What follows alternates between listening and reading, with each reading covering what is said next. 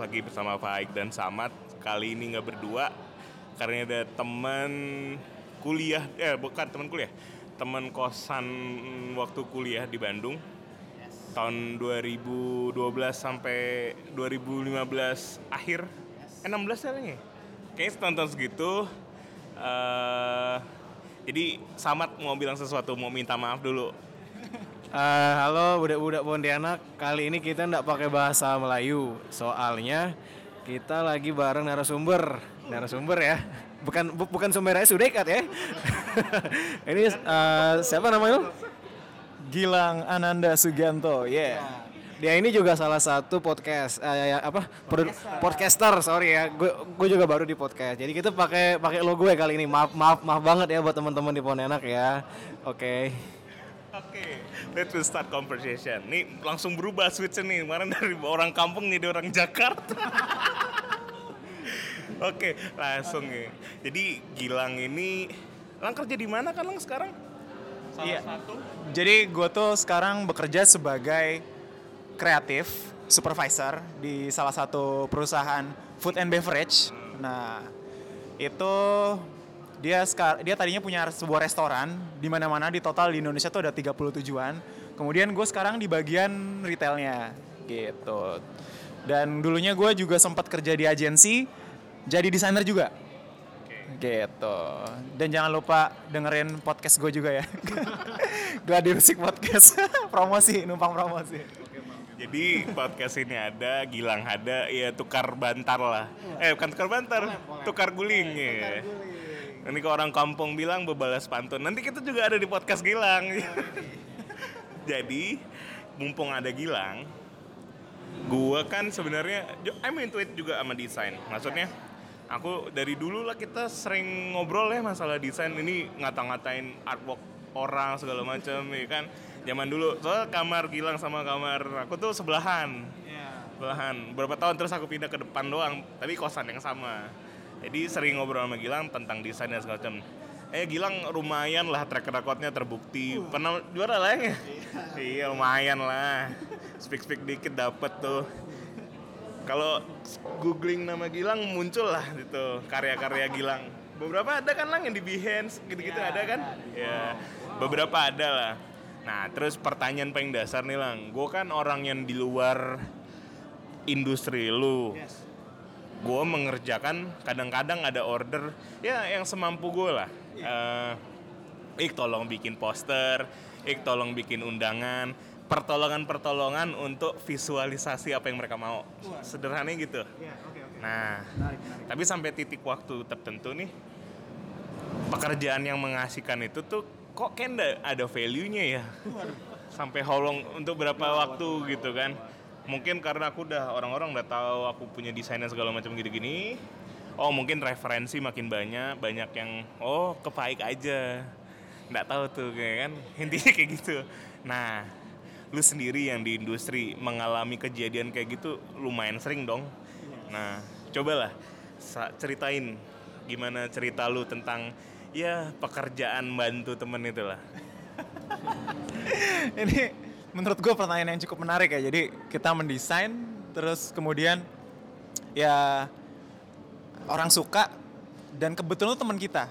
Nah, which is kalau kita teman kita, itu kita agak-agak nggak enak kalau oke, iya menju- menunjukkan oleh komersial itu kita agak-agak nggak enak gitu. Nah, tapi di situ justru malah eh, ya gue cerita dulu dikit kali ya. Dulu pertama kali diminta sama temen itu pas tahun 2012. Jadi gue masuk DKV waktu itu desain di Telkom tahun 2011. Kemudian lama-lama gue denger seminar apa segala macam ikut ya kan? Lu sebarin deh tuh portofolio lu karya-karya lu gitu segala macam. Nah di situ lama-lama ya lumayan lah dikenal. Terus ada beberapa temen gue yang dari temen gue SMA gitu kan. Mulai kontak wah lu desainer ya? Nah lu desainer ya? Gitu kan? Lu desainer. Gue minta tolong dong gitu kan? Nah gue mau bikin brand nih. Bikinin logo dong. Kaos. Wah. Iya. Challenge accepted lah. Ibaratnya ada Nah, ada pengakuan gitu kan. Gue minta tolong nih, gue pengen bikin distro gitu kan? Distro yang ya bikin kaos gitu kan? Terus bikin celana bikin dompet segala macam. Gue minta tolong dong bikin logonya sama gue pengen bikin katalog bukunya gitu kan. Terus gue bilang wah ordernya numpuk bener ordernya numpuk. Compile banyak banget mintanya bro. Buset. Ya udah oke lah challenge challenge accepted lah gue bilang. Oke boleh.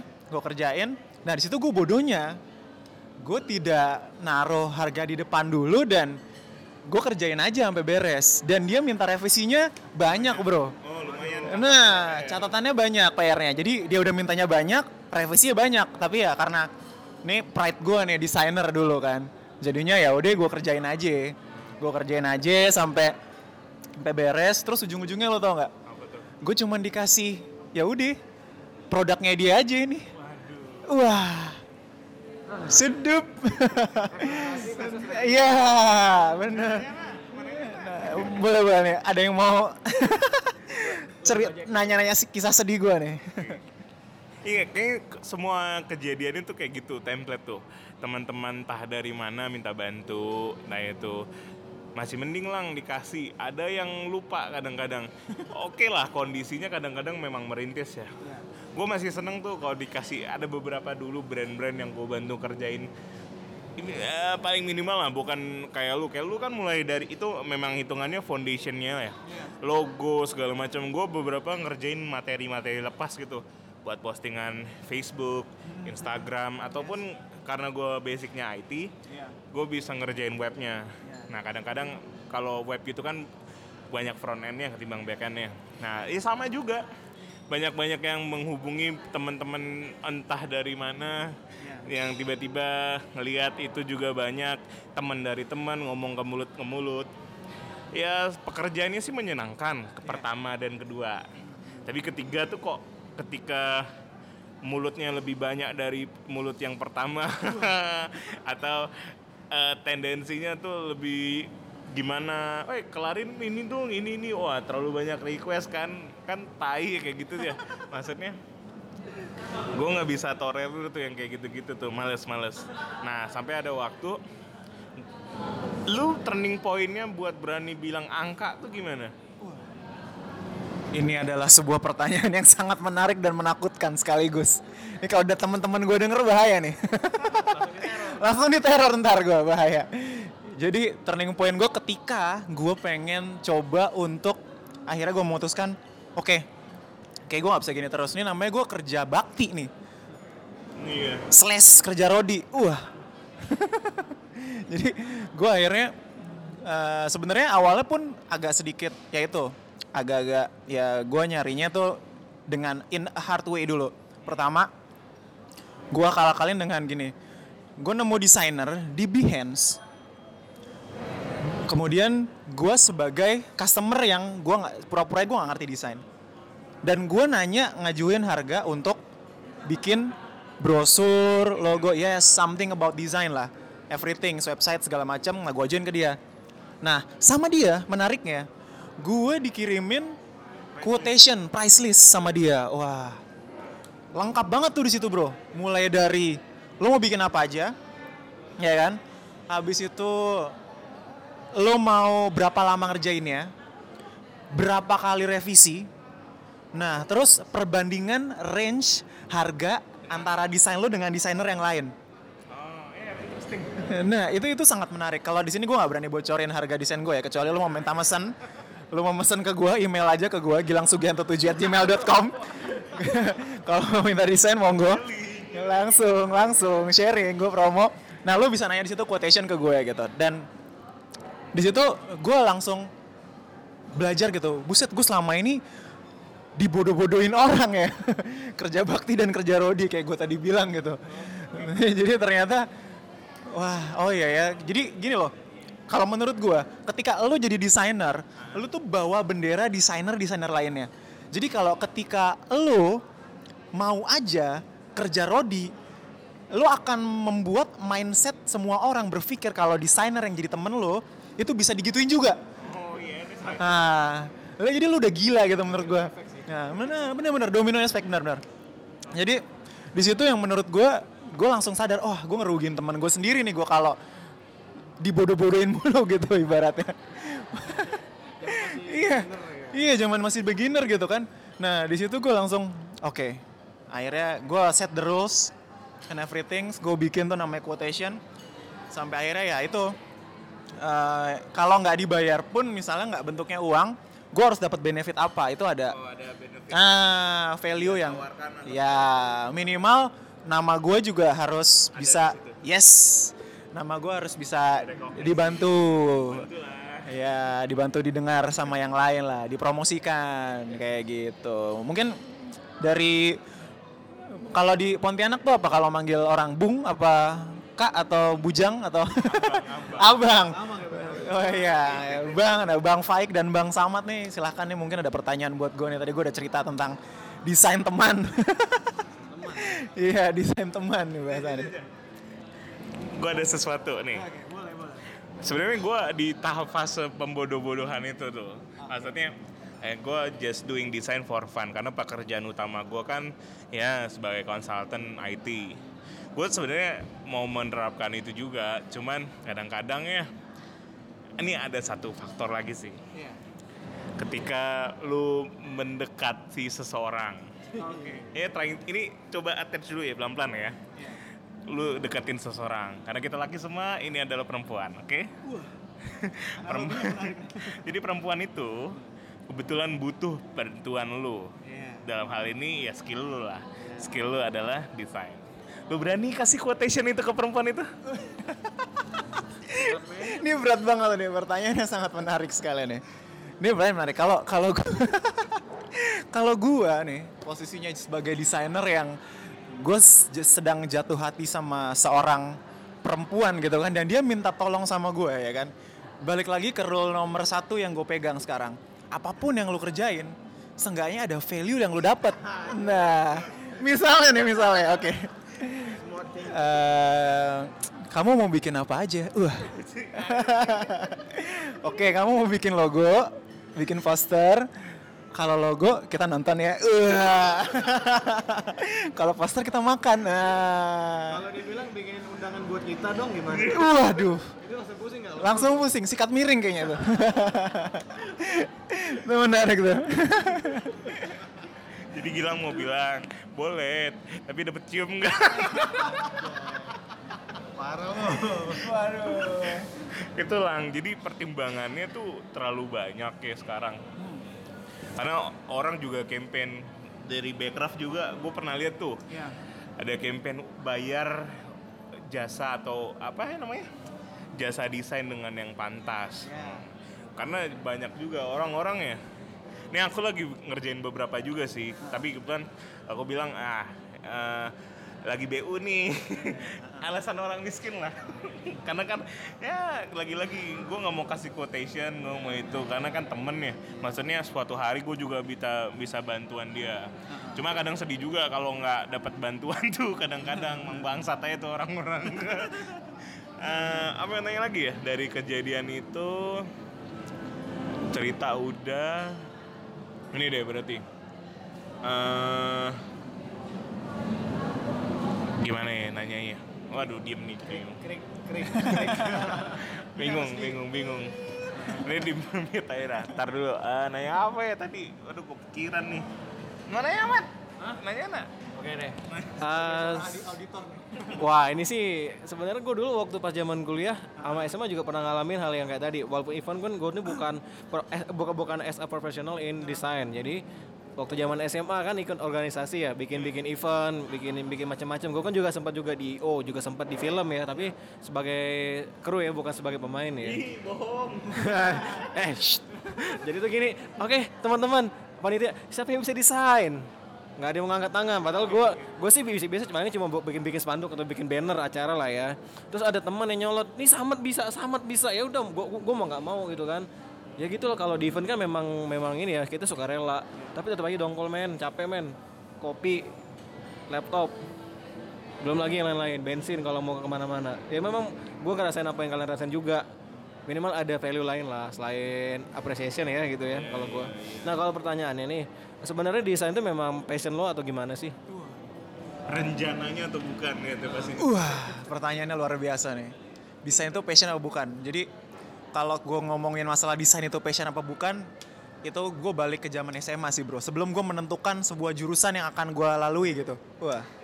Jadi gue awalnya tuh ketika SMA, gue paling sering disuruh sama guru gue itu kalau nggak gambar anatomi badan orang, biologi, sama gambar geo- eh, geografi itu kayak ah, ini gambar peta dunia. Nah, gue IPA. Gue IPA. gue IPA. Kita anak IPS ya, kerjanya anak IPA.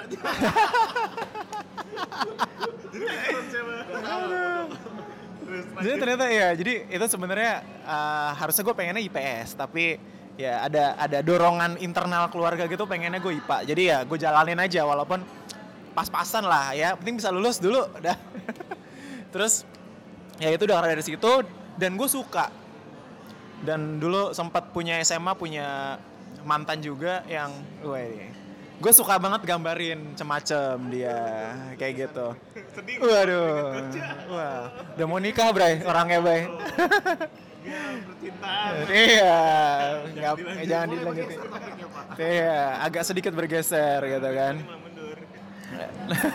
Jadi, nah di situ dari mulai di situ gue langsung kayaknya this is my patience gitu. Arti- Artinya gue pengen bisa melanjutkan ini dan landasan gue adalah ketika gue bukan cuman menggambar ya, artinya gue mengkreat sesuatu yang bermanfaat buat orang gitu kan. Karena gue senang banget bisa bikin sesuatu yang bermanfaat buat orang. Makanya awal-awal gue ngedesain tuh kadang suka dibodoh-bodohin gitu. Itu awal-awal suka dibodoh-bodohin gitu. Karena masih pakai hati. Ya, masih pakai hati dan senang. Terus akhirnya eh, pernah sempat kepikiran oh, seni rupa segala macam. Oh nggak dulu deh. Gue bilang gue juga nggak terlalu jago lah untuk urusan gambar tangan, tapi bisa. Akhirnya gue memutuskan untuk desain, desain komunikasi visual dan gue percaya kalau sampai kapan pun kalau kita bicara dengan komunikasi visual, lu mau, iya itu nggak ada matinya sebenarnya. Semua every Medium apa pun. Yes. Jadi ada quotes yang keren, 80% of what people learn and see is visual. Jadi gue percaya kalau sebenarnya kalau lo mengarah ke arah yang tepat, visual tuh nggak ada matinya gitu. Jadi buat teman-teman yang suka visual segala macam pun, jangan pernah patah semangat bahwa sebenarnya tuh nggak ada yang jelek, tapi selera. Ya, ya. Nah, ini menarik nih. Sebenarnya nggak ada yang jelek tapi selera. Terus gimana cara lo meningkatkan selera lo? Itu ya sering-sering lihat referensi yang bagus tuh gimana sih, terus yang kurang oke tuh gimana sih gitu. Itu sering-sering lihat. Jadi balik lagi ke masalah komposisi sih menurut gua desain itu masalah komposisi. Kayak gitu. Jadi kalau lo tanya sekali lagi gue passion apa enggak? Kayaknya hidup dan mati gue tuh udah buat desain. Wah. Jadi Yes. beruntung banget. Iya. Gue udah ingat mau nanya apa. Lu lagi mabuk apa gimana sih? Lagi mabok bosku ya. Jadi nanya, ini masalah duit lah. Lagi-lagi duit nih. Apa kan ujung-ujungnya duit ya, dokut, dokut, dokut. Kagak ada dokutnya kagak jalan. gitu kan. Lang, gini lang. Andai kata quotation dateng, pekerjaan udah selesai. Naginya gimana lang? Kayaknya struggle ya naginya ya. Nangis nggak tuh? Gue sih nangis ya kalau nagih. Ut- Itu jatuhnya utang dong. Benar, benar. Kita kayak nagih utang ke temen kan. Benar. Ya itu gimana tuh? Sedih nggak tuh? Ini pertanyaan yang menarik banget. Gue udah ngasih quotation dan eh, gimana nagihnya gitu kan. Nah tapi ini gue udah mengantisipasi dengan bro untuk quotation ini 50% dulu bro. Nah, pakai termin. Jadi sama kayak main band. Iya, gitu-gitu. ngundang artis kayak gitu. Jadi gue dari awal udah set the ground rules kalau ya kalau nego-nego harga adalah sebelum gue bikin desain sekarang. Jadi Oh, kemahalan atau enggak? Ya. Udah ada materi, materi baru lu majuin. Betul, betul, betul. Jadi belum ada materi segala macam. Dia boleh punya materi segala macam, kasih ke gue untuk gue baca. Kemudian gue analisis berapa harga yang pantas untuk gue kerjakan. Nah, kayak gitu kan. Nah, habis itu kemudian eh gue pasti ngenaro sengganya kalau gue nggak jahat-jahat banget lah ya. gue minta 25% dulu dari total keseluruhan project. 25%. 100 berarti lu minta 25 dulu. Ya. Seratus ribu gue minta dua ribu. Ya, seenggaknya sekir Project jadi project jadi 25% dulu.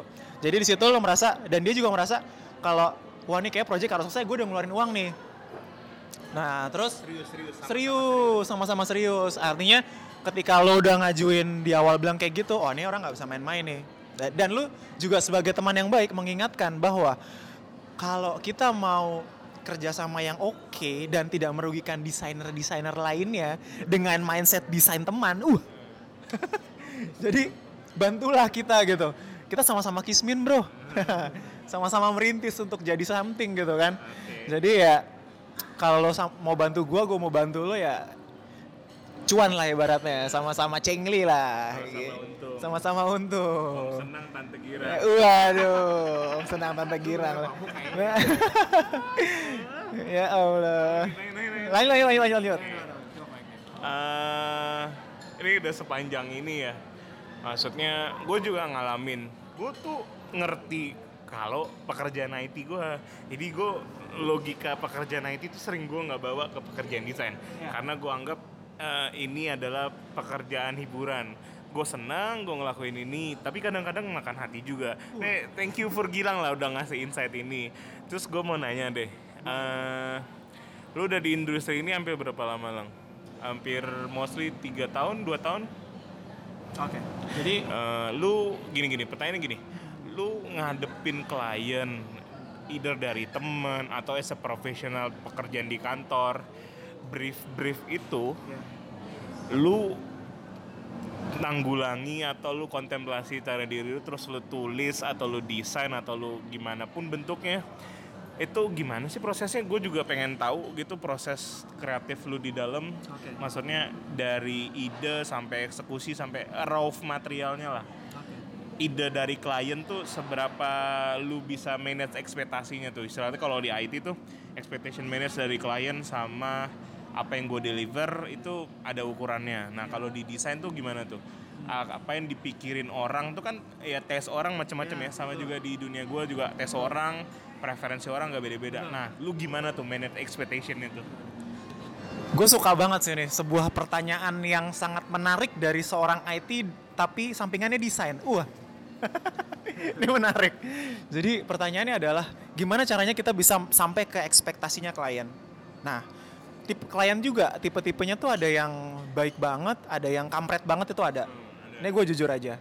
Nah, yang gue berusaha either dia baik atau kampret, gue tetap pakai ground rule.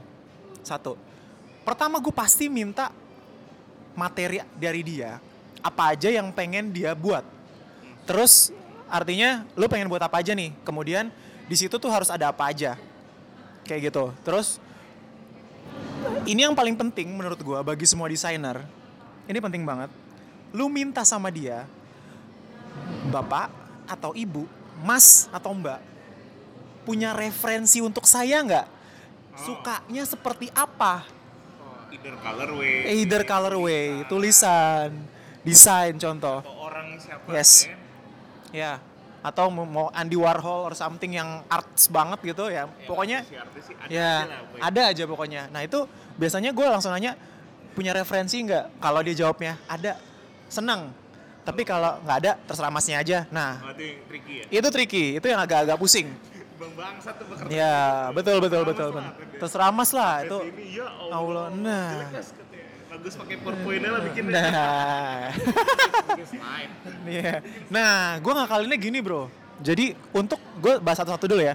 Untuk klien yang pertama tadi gue cerita dia punya referensi, itu enak. Gue gak gue ngerjain bakal lebih cepat tentunya. Oke, ibu maunya kayak gini. Saya set the rules eh, sesuai dengan brandnya ibu, briefnya mau kayak gimana. Kira-kira gaya desainnya seperti ini, tapi saya akan ajukan. Nah, jadi gue biasanya kalau bikin brand, logo segala macam, gue bikin dulu namanya manual book. Gue bikin dulu namanya manual book. Jadi manual book itu di situ nanti akan dengan sangat mudah mengaplikasikan desain tuh ke berbagai macam bentuk.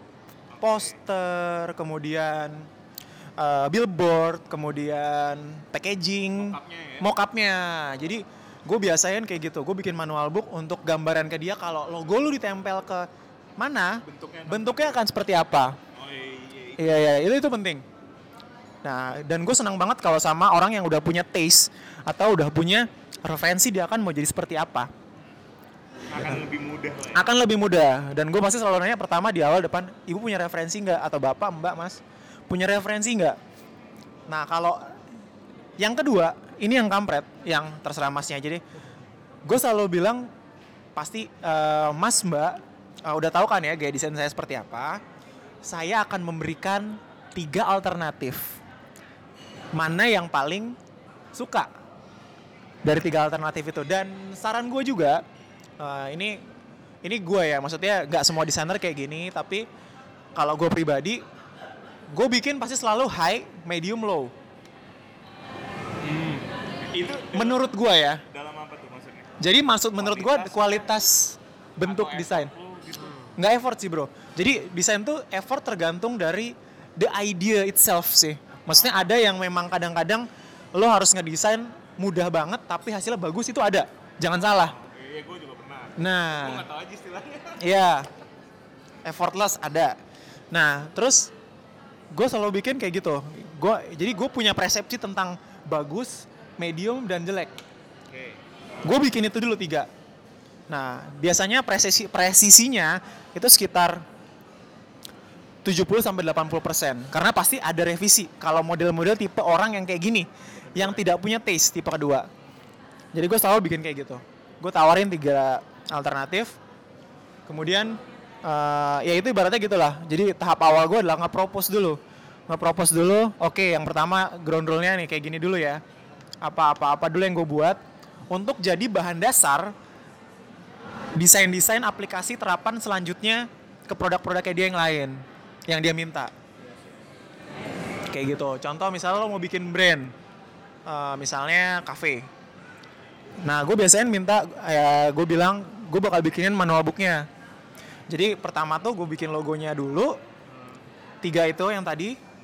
Kemudian gue tempel dulu mockup kalau ke sebu ya ke berbagai macam itunya. Entah dan apa? Ya, ambience restorannya, menu bukunya, tapi masih plain, belum ada namanya super grafik dan segala macamnya. Lorem ipsum basi segala macam lah. Kayak gitu. Iya, kayak benar benar benar benar kayak gitu. Nah, dari situ baru gua tapi gua nggak berhenti di situ aja. Setelah gue bikin, gue dapet uh, dia senangnya yang mana. Tentunya sebelum gue bikin tiga itu, gue pasti nyari referensi lagi juga yang komplement sama dia maunya seperti apa. Jadi penting banget. Menurut gue referensi itu penting. Karena baik lagi tadi sangat banyak orang-orang hebat di dunia gitu menurut gue. Banyak banget orang yang bisa dipelajari gitu. Bahkan atau Yes. kayak gue tidak menyarankan untuk meniru tapi gue menyarankan untuk apa namanya bahasanya Eh, ya itulah ambil mengambil hikmah mengambil esensi ya itu menarik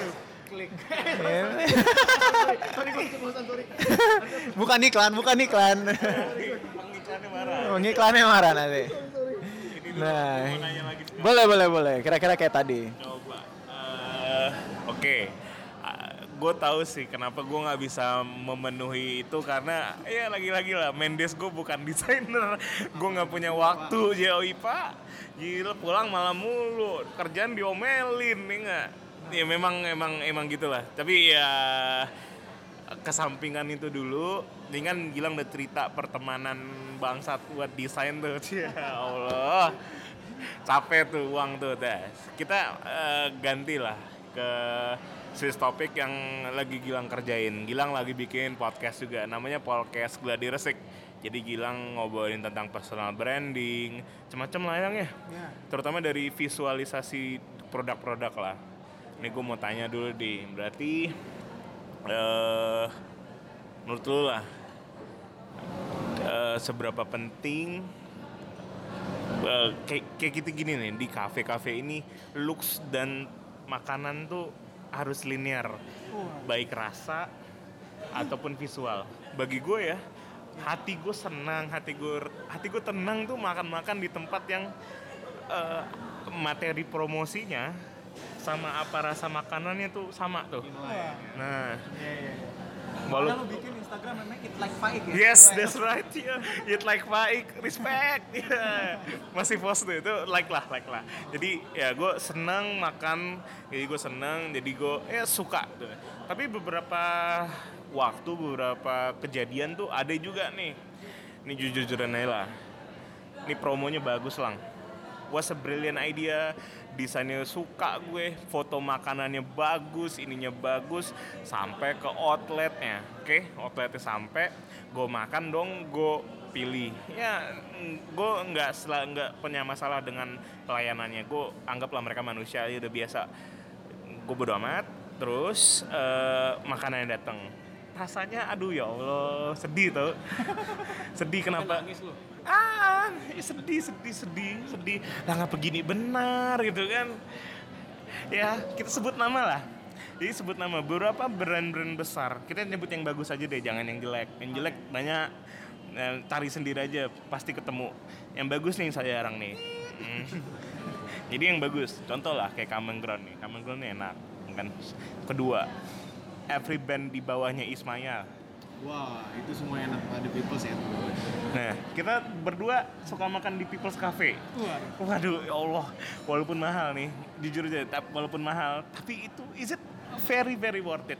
Maksudnya dari kon eh, dari ingredientnya, dari pemilihan makanan, eh, kondimennya itu enak tuh. Dari nasi yang dipakai, ayam gepreknya, eh, piringnya, sendoknya, eh, merek aqua eh, apa? Mineralnya. Sebut merek. Itu bagus tuh.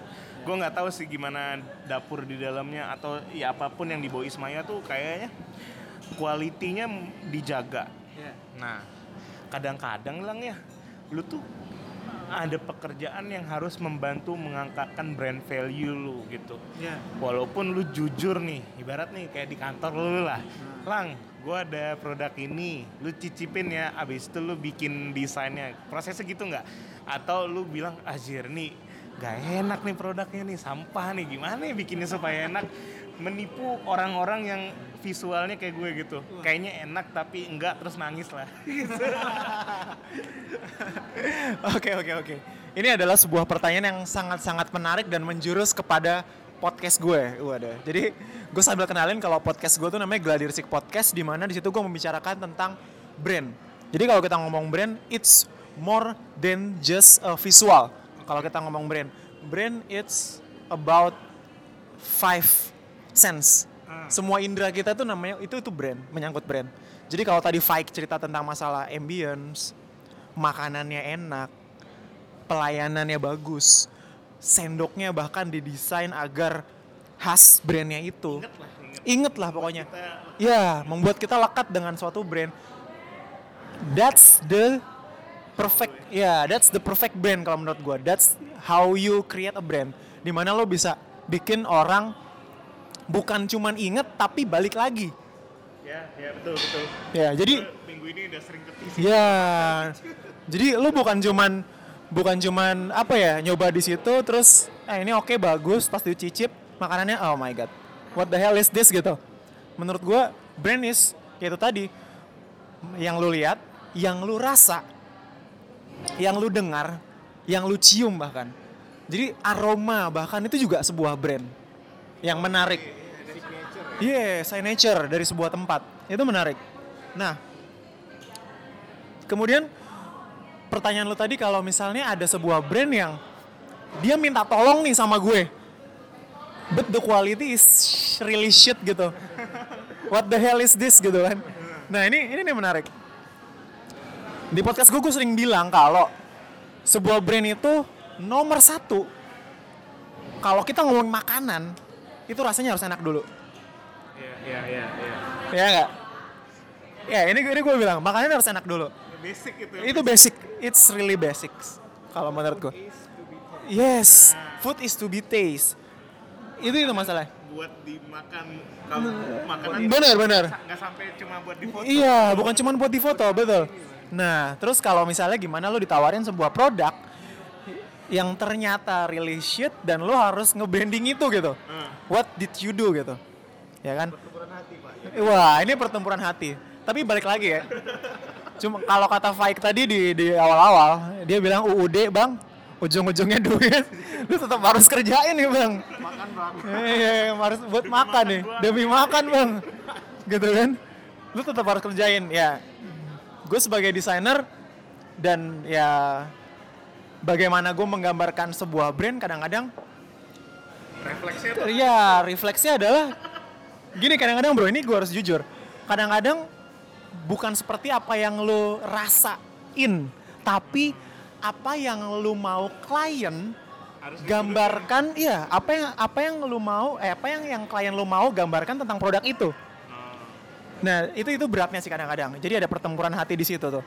Jadi gue sebagai kli- eh, gue sebagai klien misalnya contohnya, Gilang, gue mau makanan ini tuh orang-orang melihatnya sangat-sangat enak, udah beliur ya. udah berliur lah segala macam. Dan gue pengen, Make me hungry. iya, bukan make me hungry aja, wanna buy more, gitu kan? Itu gimana caranya Gilang? Itu tanggung jawab anda. Kemudian saya coba makanannya dan saya pengen ke kamar mandi untuk muntah. Itu bukan urusan saya. Jadi urusan saya adalah gimana caranya orang persepsi pertama ngelihat itu sesuai dengan yang klien minta. Gitu kan? Ya mungkin di situ ya di sisi lain ada berasa kayak gue melakukan sebuah pembohongan publik. Tapi enggak, gue cuman menjaga gue cuman menjaga profesionalisme gue sebagai desainer dan bukan seorang kritikus makanan. Ya kan? Kalau gue kan Iya, gue bukan kritikus makanan. Gue cuman seorang desainer yang diminta untuk bagaimana caranya membuat sebuah visual yang sesuai dengan keinginan klien, gitu kan ya. Which is gue berusaha untuk deliver terbaik lah buat klien gue gitu kan. Nah, tapi brand itu selalu punya impact. Two things, long term or short term. Oh iya. Jadi kayak gini contohnya misalnya. Lu pernah lihat fenomena kalau ada suatu makanan baru di Indonesia yang kalau ngantri itu sampai ke ujung-ujung sana? Coba lu ya, coba lu bayangin kalau ternyata makanan itu shit. Besoknya juga udah berhenti. Euforia sesaat doang. Ya benar benar. Nah, beda sama yes, Latah. Beda sama sebuah brand yang dia menjaga kualitas. Wah, itu long term, Bro. Ya lu tinggal pilih aja mau mau kaya sesaat apa kaya selama-lamanya gitu. Kayak Ya kan? lama-lama Eh iya. Setuju. Karena brand itu balik lagi. Balik lagi ke sebuah kepercayaan, Bro. ya trust. Trust. Brand itu trust. Brand itu ibaratnya eh, eh, apa ya? Kalau orang udah melihat lu itu adalah seperti apa yang gua pikirkan, tapi ternyata pas gua coba nggak sesuai dengan ekspektasi gitu kan, Sedih sedih. sedih langsung. Oh, what the hell ini? Pasti langsung ditinggal nggak lama. Oke. Jadi ya, so I think the first time, the first things that you should create a product or something before you create a brand itself, the persona of the product itself, kalau menurut gua adalah ciptakanlah kualitas yang terbaik menurut lo. Kalau men- masih dikritik orang, masih kurangnya apa, itu wajar. Tapi lu terima dan lu improve, itu bagus. Menurut gua. Dan brand itu selalu improve. Yang bagus adalah improve terus, mengikuti perkembangan zaman, tapi tetap apa namanya down to earth apa ya bukan down to earth apa kayak uh, jaga legasinya menarik tuh Warisan itu bener. Yes. jaga. Jangan tiba-tiba martabak ka- bener. iya. Kemangi benar benar. Benar benar. Benar. Dan coklat. Bener, bener. Es krim coklat jadi es krim tertimun. nah nah. Dan salah satu brand Indonesia Indonesia yang paling gua senengin dan itu langsung gue bikin di episode pertama. Dan itu keren banget. Dan harganya murah Indomie coy. Oh iya, iya. Itu relatable for every yes orang. setiap lah. orang yang pernah ngekos, Ya, ditinggal, yang pernah ditinggal istrinya, makan susah, makan susah. Bener, bener. Indomie it's anak kosan best friends menurut gua.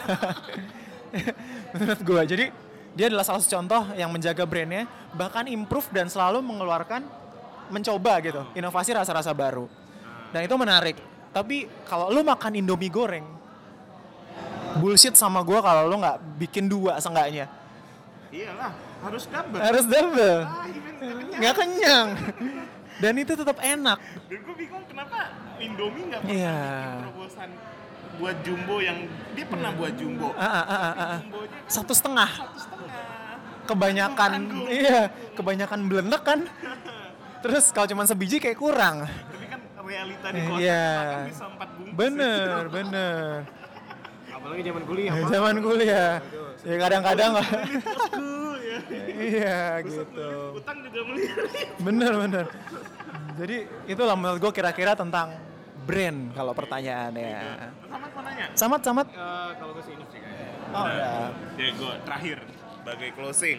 Oke. eh nih kita jawab masing-masing lah. Maksudnya di tahun sekarang nih kan artisan-artisan branded nih banyak nih. Itu kan artisan branded Iya. kayak geprek siapa, em, bober, kalau macam-macam tuh banyak tuh. Nah, gue minta sih mention favorit kalian lah sebanyak-banyak mungkin boleh kurang boleh pokoknya favorit artisan brand menurut kalian tuh siapa aja sih top of mind ya Eh, eh, dari food and beverage eh, fashion atau segala macam coba aja terutama kalau bisa ya yang dari bawah-bawah ya yang banyak orang nggak tahu biar ada ada value-nya lah podcast kita nih ya start from samat lah Apa ya?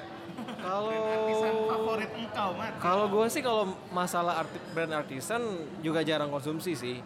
Paling kalau lagi kalau lagi pengen gitu. Kalau food and beverage saya tadi si geprek gitu. Nah, geprek apa Hah? geprek siapa Geprek si Ruben itu aja sih udah. Bensu Ah, bensu. Soalnya itu eh, secara rasa enak banget sih kalau gua. Dan juga secara nama tuh udah masuk gitu.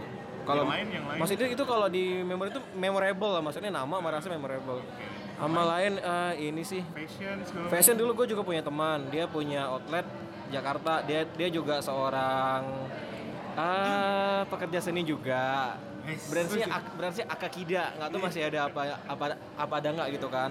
Tapi masih gue lihat sih produknya bagus-bagus kok. Itu kalau buat fashion ya, tapi kalau buat makan tadi yang saat itu udah nggak ada sih. Cuma kan sekarang lagi ngetren eh, misalnya di Pontianak tuh ada apa? Ada apa misalnya? Yang itu kue-kue artis, kue artis, kue artis ya. artis Nah, brand artisan memang artis itu emang artis. Walaupun kacau itu maksudnya nih lang Lamington nan Lamington tuh dari Brisbane Australia tiba-tiba Lamington adalah makanan khas Pontianak eh oleh-oleh khas Pontianak tai. Mana ada orang makan Pontianak eh makan di Lamington di Pontianak nggak nyambung. Kayak Ponti Bonti ya udahlah tapi itu eh nggak nggak masuk hitungan lah. Coba Gilang Gilang artisan brand favoritnya apa? Oke. Maksudnya yang grassroots yang banyak orang nggak tahu apa kira-kira? Yang banyak orang gua nggak nggak tahu ya grassroots waduh brand artisan apa ya? Yang oh ini. itu ah, coba. Ayam goreng Suharti. Wah. Ayam goreng Suharti. Itu gue suka banget. Rasanya enak. Enak sekali. Dan dia itu khas Indonesia banget menurut gue ayam goreng Suharti. Luxi, Luxi. secara looks memang jadul ya. Iya.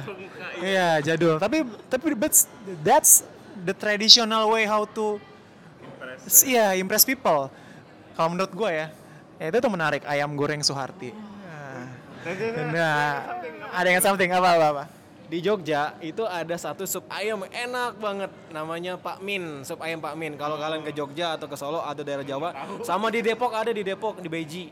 Di Kemargonda tuh ada namanya sup ayam Pak Min. Itu sup ayam bener-bener enak. Apalagi kalau habis kena hujan, lagi hujan tuh enak banget makan itu sup ayam Pak Min. Pakai ayam kampung pokoknya. Eh ingat ya kalau ke Jogja ya atau ke Depok lah ya. Pak Min bukan Pak Plus. Apalagi lang dan artisan lang kira-kira. brand artisan tadi yang grassroots udah kan ayam goreng Suharti terus kalau brand dan fashion eh, yang fashion ya yang fashion yang gue selalu keinget dan orangnya tuh cukup keren dia influence-nya Giorgio Armani. Wah.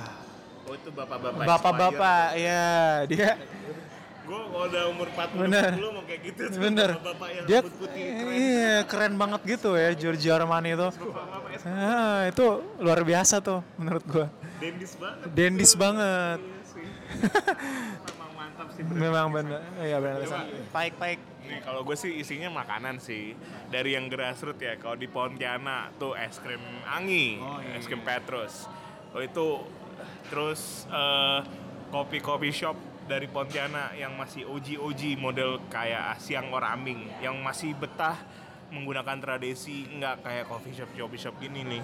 Coffee shop coffee shop yang ya fancy fancy lah. Sana nggak ada wifi yang bikin kopinya baristanya bapak-bapak buka baju ya. Doi nggak peduli siapa yang beli presiden siapa mau beli beli nggak nggak ya kan? Terus pecel lontong ibu Sumiati di Pontianak again. Terus kalau di Jakarta yang brand-brand artisan tuh nasi goreng kambing kebon siri Eh, apa lagi ya yang keren tuh? Oh iya di sekitaran binus banyak. Ada Cisencik tau nggak lu? Nah, nanti nanti itu ya. Cisencik eh, terus warung western terus warung jatim. Wah semuanya makanan lah.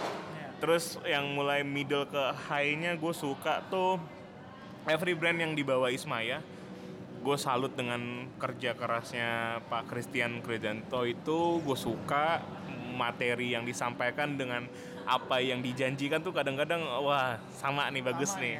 nggak jomplang gitu. Kadang-kadang di- yang gue bilang tadi desain bagus itu.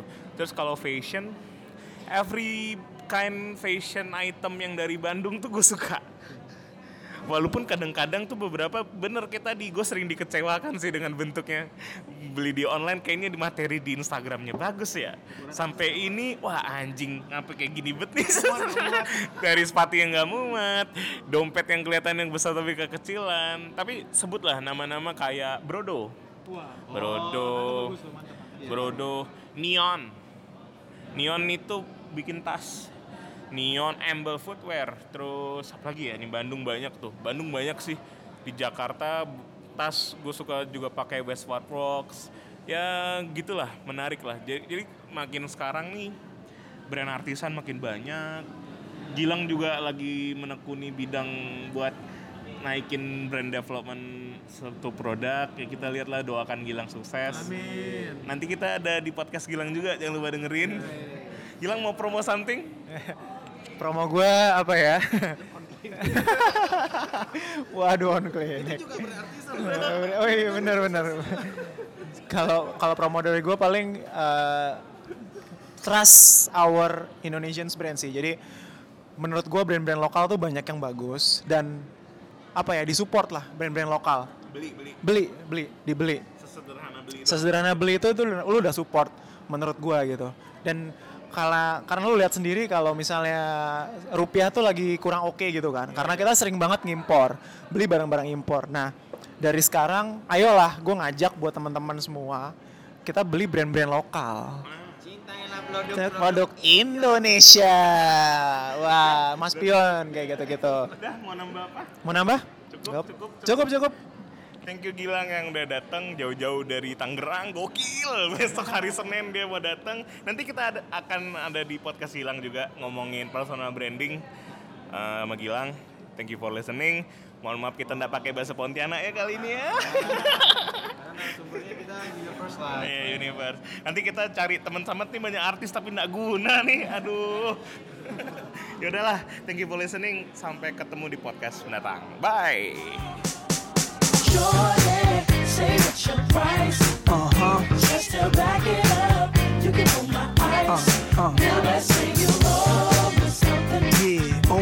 Like you owe your tax. Owe me back like 40 acres to blacks. Pay me back when you shake it like that, girl.